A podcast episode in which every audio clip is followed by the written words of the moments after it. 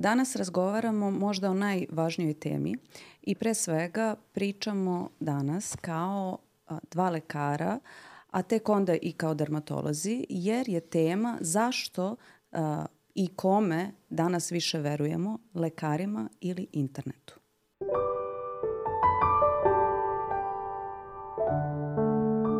Zašto danas uopšte pričamo o, o ovome? A, mislim da je to i tekako evidentno, s obzirom da a, danas postoji opet epidemija određenih oboljenja za koje se smatralo da su pred iskorenjenjem. Jel?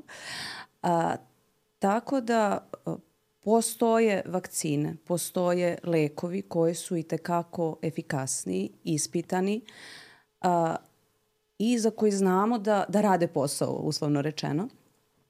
Međutim, zahvaljujući internetu, e, veliki broj osoba smatra da ima dovoljno saznanja, nekih drugih saznanja koje lekari ovaj, misle da nemaju i odlučuju da ne uzimaju terapiju koju je lekar propisao ili da ne vakcinišu svoje dete. E sad, moje pitanje je zašto Zašto ti konkretno misliš da je to danas tako? Da li je internet doneo nešto dobro ili loše i da li je u stvari kriv internet ili smo krivi svi mi pomalo? Pa, ajde ovako, ja iskreno mislim da smo svi mi, uh, znači tu uključujem i opštu populaciju i nas kao stručnu ove, stranu te priče, odnosno lekare, mislim da smo, da smo svi krivi. Uh, poenta priče je da je internet ono i dobrog i lošeg, kao i svako naučno otkriće nosi mogućnost za dobro i mogućnost za loše, pa je sada poenta u koju stranu će se iskoristiti, jel tako? Uh, internet omogućava jako brz protok informacije i omogućava taj neki, tu neku dostupnost svih mogućih informacija, ali problem interneta je što on apsolutno ne filtrira nikakve informacije. Ovaj, e, koje mogu doći do osobe koje to istražuje. I negde internet te malo sami vodi, jer će ti skočiti neka reklama, jer je tebe, ne znam, operativni sistem prepoznao da je to negde tvoja sfera interesovanja, pa će to onda vući na neku stranu, suštinski formirat će ti mišljenje. Uh, mi lekari to posmatramo sa malo drugačije strane. Mi kada posmatramo o tome uh, šta je inovacija u medicini, šta je inovacija u terapiji, šta je potencijalnu opasnost, mi sve što čitamo prvo vodimo računa da čitamo na vrlo referentnim ovaj, i sajtovima i tim online časopisima koji su i tekako, ovaj, da kažem, i bezbedni i provereni i tako dalje. Sa druge strane, ja mislim da ovde postoji jedan nedostatak kritičkog razmišljanja ovaj, uh, kod ljudi i mislim da je negde taj moment nepoverenja uh, uh, ovaj, prema toj nekoj, da kažem, savremenijoj terapiji. Ma da ovde sada ne pričamo o savremenom, mi pričamo mm. o terapiji koja postoji već jako, jako, jako dugo. Ajde, na prvom mestu su tu vakcine, no tu ima i dosta drugih lekova. Ti i ja smo da. radili celu epizodu o kortikofobiji, je li tako? Da, na primjer, ovaj, pričali smo i o tome, ali evo sad konkretno u pitanju je Diteper uh, vakcina, a, koja se poslednjih, ispravi me, 40 godina, znači ta vakcinacija se provo, sprovodi kod nas, isprovodila se vrlo uspešno do jednog trenutka. Sada je konkretno a, obuhvat stanovništva ovom vakcinom pao ispod 80%. Da ne bi došlo do novih slučajeva, odnosno do epidemije, koja očigledno, ne znam koliko se sad priča da je u pitanju epidemija, ali ovo prilično liči na jednu vrstu epidemije, a taj obuhvat treba da bude iznad 95, minimum iznad 95%. To je ono što mi zovemo kolektivni imunitet, odnosno Jest. ta barijera, jer ljudi koji su vakcinisani, oni suštinski štite i ove koji ne mogu iz nekog zdravstvenog ili bilo kog razloga da budu vakcinisani. Jeste, to sam sad između ostalog malo sam istraživala uh, i uh, ono šta, šta do, do čega sam ovaj, došla jeste da u pojedinim zemljama a, je čak obustavljena primjena ove vakcine zato što se u tim zemljama smatra da je konkretno pertusis, ono sa čime se danas mi u Srbiji ovaj, borimo, iskorenjen. A, I iz tih pojedinih zemalja imamo sad i migrante, jel, osobe koji su došli kod nas i oni su ugroženi. Da. Jer sad i oni učestvuju u tom kolektivnom imunitetu. Uh, daleko od toga da kažem da su oni krivi za, za, za pad, nego hoću da kažem da su čak i ti, te osobe koje nisu jednostavno nije trebalo da se vakcinišu jer da. su oni u svojoj zemlji obavili sve što je trebalo da, da. vezano za tu vakcinaciju, čak su i oni ugroženi. Znači i njih ugrožavamo, a ono što prvo čemu, čemu treba, ovaj, na što treba da skrenemo pažnju jeste da je u ovom trenutku do sada pet beba, znači petoro dece ispod šest meseci umrlo zbog toga što a, kolektivni imunitet na pertusis je jako, na jako niskom nivou kod nas u zemlji. Da, ta barijera je probijena i samo da, da, da razjasnimo, to su bebe koje još uvek nisu stigle do uzrasta da prime vakcinu. I to, to, to je jako, jako, jako žalosno. Ali uh, ajde sada, mislim, generalno ok, da sada trenutno vlada to neko mišljenje, ne samo kod nas, u svetu generalno, o tome da su vakcine loše iz nekog razloga. Zašto? Iskreno ne znam. Uh, ono što znam je da je to krenulo od onog nesretnog rada 98. godine što je objavljen gde su oni, ne znam, vakcinu doveli u vezu sa autizmom. Tako je. I to je izašlo ovaj, u časopisima i to je naravno doživelo veliku medijsku pažnju i prosto to je došlo, do, ta informacija je prosto imala jedan uh, veliki proboj, u spisku došla je i do koga je trebalo i do koga nije trebalo. Međutim, uh, Me, veliko, je, međutim, šta se u stvari međutim, dokazalo šta se u stvari na desilo? kraju? Da, ovako, prva stvar, uh, oni su dosta manipulisali podacima, to jest nameštali su brojki, nameštali su, ovaj, da kažem, rezultate uh, da bi postigli tu svoju tezu od koje su započeli. Uh, pošto su naravno otkriveni da ovaj tu je naravno postojalo i takako malverzacija i manipulacija e, i sam taj naučnik je ovaj e, izjavio, znači objavio je da je to netačno, povukao je svoje mišljenje i rekao je da to nije tačno, međutim to je izgleda da bilo prekasno, zato što je to zaista ovaj, nekako postalo jako popularno mišljenje.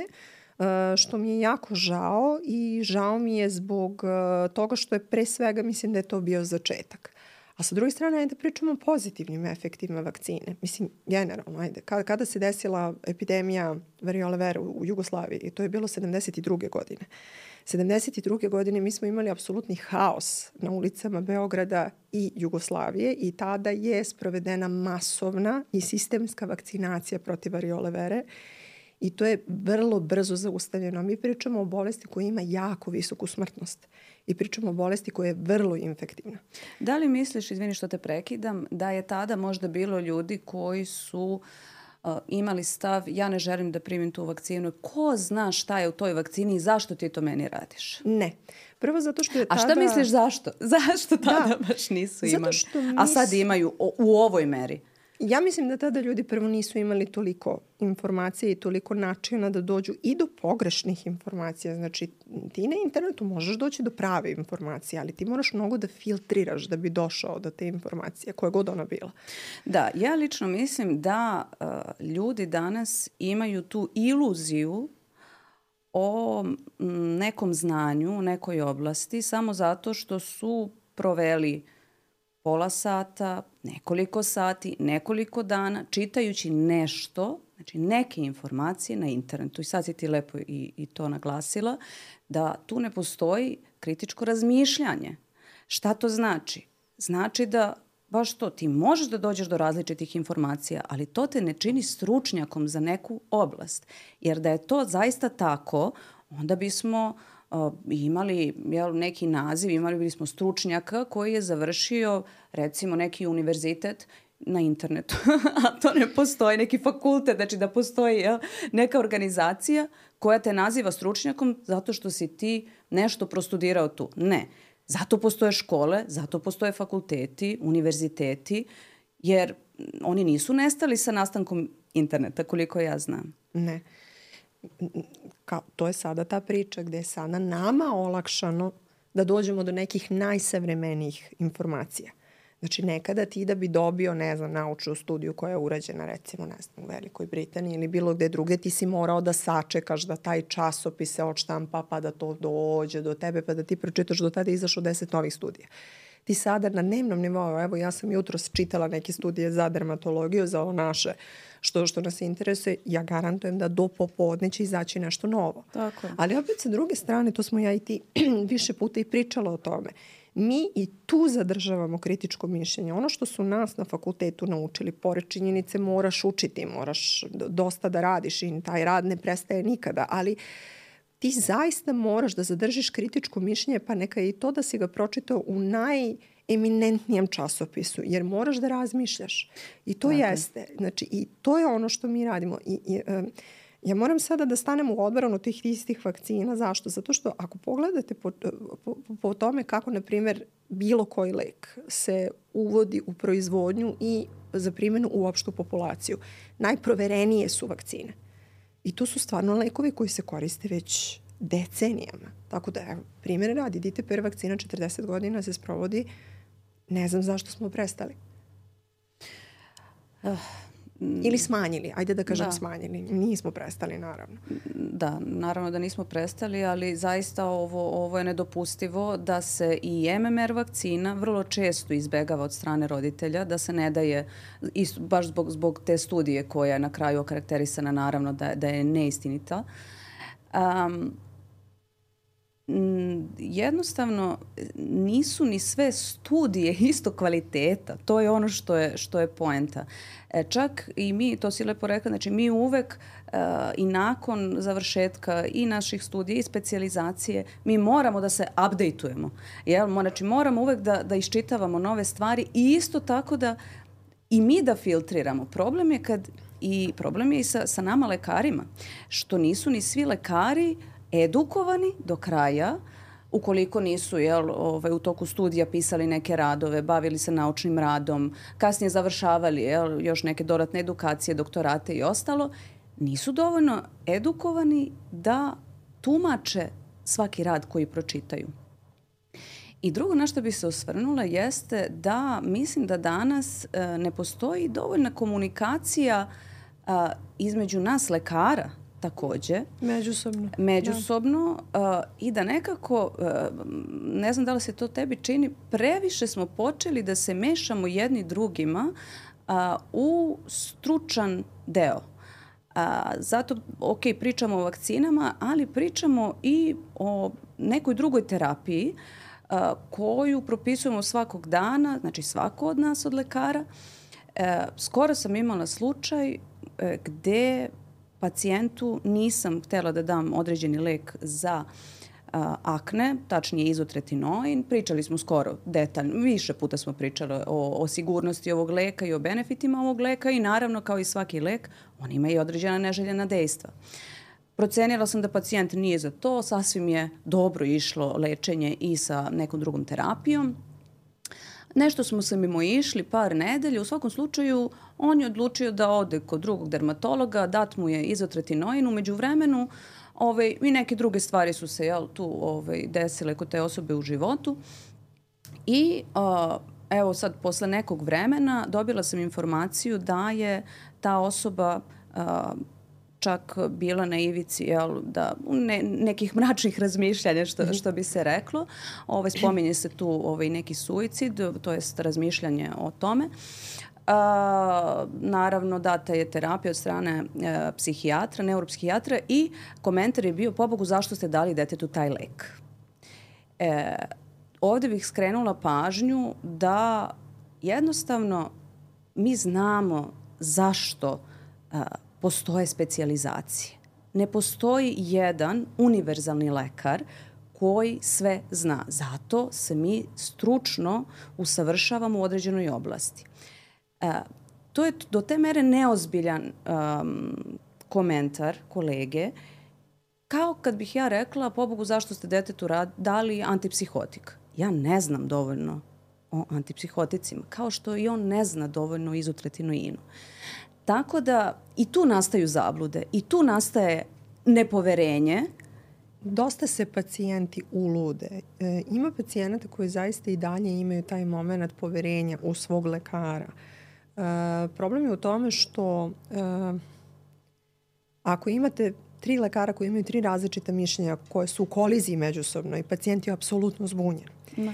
I to je taj moment što si ti rekla da mi zaista ta komunikacija međusobna ono, između specijali, specijalista ovaj, uh, mora da bude i na mnogo boljem nivou. Uh, meni se često, na primjer, dešava da postoje ljudi koji uh, ovaj, da kažem, ja mislim da je to se stvar sujete. Sad, ajde, možda ću ja malo sada biti, da kažem, i nekorektna to kada kažem, ma dajte, to je moje mišljenje.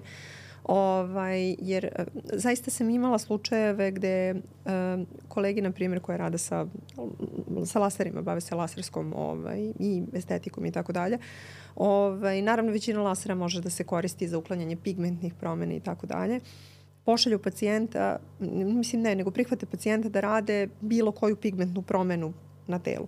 Uh, u pokušaju komunikacije sa tim kolegama bukvalno ja dobijam jedan zid i nemogućnost dalje komunikacije zato što zašto se ja njima mešam u posao. I dobro, to je okej. Okay. Ja se ne mešam zato što se meni meša, nego zato što mislim da ako ništa drugo moglo bi da se nauči nešto. Zašto? Zato što često se i nama dermatolozima dešava da nismo 100% sigurni pogledamo dermoskopski.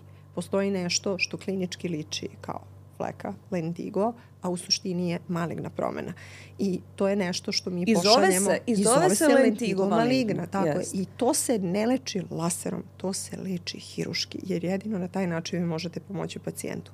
Tako da ta komunikacija i taj moment da mi u stvari ne želimo da naškodimo jedni drugim ili da ne znam uzmemo posao jedni drugim ili tako nešto, Ne kažem da to apsolutno ne postoji u nekim slučajevima, znači ne, ne, nećemo generalizovati stvari, ali zaista moramo ove, i da pričamo o tome i da radimo na, tim, na toj komunikaciji mnogo bolje. Što se tiče cela ove priče vezano za terapiju, često se dešava i tebi i meni da pacijenti vrlo svesno odbijaju terapiju koja im može pomoći, zato što ih je strah, zato što su pročitali da ne znam, u nekim novinama je pisalo to se leči na taj ili taj ili taj način, pa prirodni lekovi pa ovako pa onako. Mi nemamo ništa protiv prirodnih lekova Naravno. koji su provereni. Ima dosta prirodnih lekova, znači kada pričamo o narodnoj medicini, koji su prošli neke studije za koje mi tačno znamo. Ali varijanta ja sam sela, prelistala tri časopisa i sad smatram da o nečemu znam, to je velika zamka. Tako je, ali isto tako i e, ljudi moraju da povedu računa i kada komuniciraju sa nama lekarima. E, mi imamo pravo e, kao i svako drugi, znači kao i u svako drugoj oblasti, jel? da budemo stručna lica, znači stručnjaci, da budemo profesori i u jednom trenutku na primer da iz bilo kog razloga, pa čak nekad i organski, jel, dešava se da čovek oboli, da li mentalno, da li fizički i tako dalje, ali pričam sad o ovoj prvoj stvari. Znači, i da obratimo pažnju da li je to što ta osoba priča zaista relevantno i normalno, bez obzira što je neko lekar, što je profesor ili ne znam koje titule ima. Tako. Ako neko počinje da priča da je zemlja ravna ploča ili da ljudi sa Milena plavim i zelenim očima su ove, vanzemaljci, zaista Mars, Mars. bez obzira na svu njegovu stručnost moramo da povedemo računa. E, tako da internet je dobra stvar, lekari, lekarima pre svega, mislim ja počela sam sa pitanjem kome treba da verujemo, lekarima ili internetu. To toliko suvišno pitanje. Mislim, ne, neverovatno mi je, neverovatno mi je da ja to postavljam, Tako ali je, da. suštinski da. danas ljudi zaista izgleda više veruju internetu nego lekarima taj moment nepoverenja u lekare, a u stvari to je to što ti kažeš, ako je jedan čovek koji važi za velikog stručnjaka u oblasti kojom se bavio, krene da priča stvari koje uh, nemaju veze ni sa naukom, nemaju veze više, ni, nemaju veze ni sa čim relevantnim, mislim, ok, možda ovaj, mi to možemo posmatrati sa neke komične strane, ali opet sa druge strane, ako neko stvarno poveruje to, to je, to je taj moment Da, mislim problema. da je opasno. Mislim da je opasno, je opasno. da, da, tako je, da tako posmatramo je. sa komične strane, iako, da, stvarno nekad jeste jeste komično. Pa ne, dobro, mislim, ok, ja mogu da kažem da mi je komično, ali ja vrlo dobro znam da, yes. mislim, ja znam, ja stvarno nisam sa Marsa, mislim da, da, da se ne lažemo, ali... Da li si sigurna? Pa mislim, jesam. Ove, kako se, mislim, da, da, zaista, mislim, ono stvarno pričati o tako nekim stvarima kao i... Da, znači, tako da treba da povedemo računa da da nekako filtriramo bolje, ne znam kako to drugačije da kažem. A, moramo, moramo verovati lekarima. Ja prva, ja vodim dete kod pedijatra, pa ne lečim ga ja kao dermatolog. Tako je, ja. ja prva idem kod lekara kada mi nešto fali. Iako sam završila medicinski fakultet, pa neću sama sebi da propisujem svu terapiju koja mi treba za bilo šta, što, zašto mi zafali, nego ću otići kod kolege koji se bavi određenom oblasti. Usko time. Usko time, tako je. Znači, nećemo više da nekako, samo je pojenta je da apelujemo da se ne, ne brkaju i babe i žabe. Ne postoji univerzalni lekar. Ne postoji, znači, sva, svaka um, svaki otprilike organ negde jel, ili skup nekih orga, organskih sistema ima uh, svog lekara, odnosno specijalnost, užu koja se bavi time. Medicina je toliko uznapredovala nekada to nije bilo potrebno pre 200 godina, pre 300 godina. Znači, zaista, ali tada se o dobro, medicini pre, malo znalo. Više stotina godina imali smo vrača, jel? Koji je ne, sve dobro, to... ali čekaj, ajde, znaš šta je interesantan podatak? Toga se baš sećam sa studija. E, ljudi su tek 1800 i neke u suštini skapirali da krv protiče kroz krvne sudove. Da se ne nalazi samo rasuta tako kao mi smo jedno veliko no. bure koje drži krv, nego da ona protiče kroz prostojene cevi koje se zovu krvne, pa imamo vene, imamo arterije i tako dalje. Mogu ti reći, mnogo smo napredovali. Mnogo, ja hoću da ti kažem da prosto, eto, ali ranije to nije bilo tako i zato su sve lečeni, ne znam, pijavicama, ekstraktom, tinkturom i tako dalje. Znači, Puštanjem krvi, da. Oni su ljudi radili sa onim što su znali, što su imali u datom trenutku. Mi sada imamo to, to je toliko znapredovalo da prosto ja ne mogu da se bavim i dermatologijom, i oftalmologijom, i psihijatrijom, i kardiologijom i tako dalje. To je nemoguće je. Ali prosto zar tebi ne deluje kao da smo nekako unapredili sve i odjednom počeli da nazadujemo u svojim razmišljanjima. Meni je zaista neverovatno da mi danas pričamo o tome da li je zemlja ravna ploča, da li su vakcine da. a, uspešne, efikasne ili služe da naškode nekome, da li je izotretinoin lek koji izaziva suicid, da li... Meni je to zaista, pored svih istraživanja, pored svega što nam je dostupno, neverovatno, ali o, zato smo danas, zato danas pričamo o ovome, jer očigledno ne, treba postoje pričati, sumnje. Treba da. pričati, zato što mislim da osobe koje pričaju drugačije, tipa da je zemlja ravna ploča, da su ljudi sa Marsa, da su vakcine loše i tako dalje. Prosto oni imaju svoj neki prostor u kome to priča, ali mora se čuti i druga strana. Mora se čuti i da. ovo nešto, zato što, ok, ajde onda... Da li imaš taj utisak da što je čovek eh, edukovaniji, to je negde tiši i pomirljiviji, a ovi koji imaju daleko manje znanja i informacija su jako samouvereni i jako glasni. I na internetu da. i na svim drugim medijima. Zato što ne znaju koliko ne znaju. E, da. to je taj moment. I to je ono kad smo ja i ti bile pričale vezano za sve što radimo. Da li je to dermatologija, estetika ili bilo šta. Što više učim, više me negde i strah. I ima, imam 20 oči otvoreno i tako dalje. Ima I... nešto što se zove ovaj, Dunning-Krugerov fenomen. Mm -hmm. jel? To je jedna kriva koja pokazuje, kaže, višak uh, uh, manjak znanja, višak samopouzdanja. Mm. Znači da je to onako le, lepa, lepa proporcija. Tako da mislim da je to ovaj, definitivno prisutno. Mislim da smo danas uspele da načnemo ovaj, samo ovu temu. Ja bih voljela da čujem negde mišljenje naših slušalaca i gledalaca, da nam pišu u komentarima uh, zašto ili da li imaju poverenja u lekare, zašto nemaju, e, zašto više veruju internetu nekad i šta je to što bismo mogli da uradimo, pored ovoga što ti i ja konkretno evo i danas radimo, da bismo to promenili.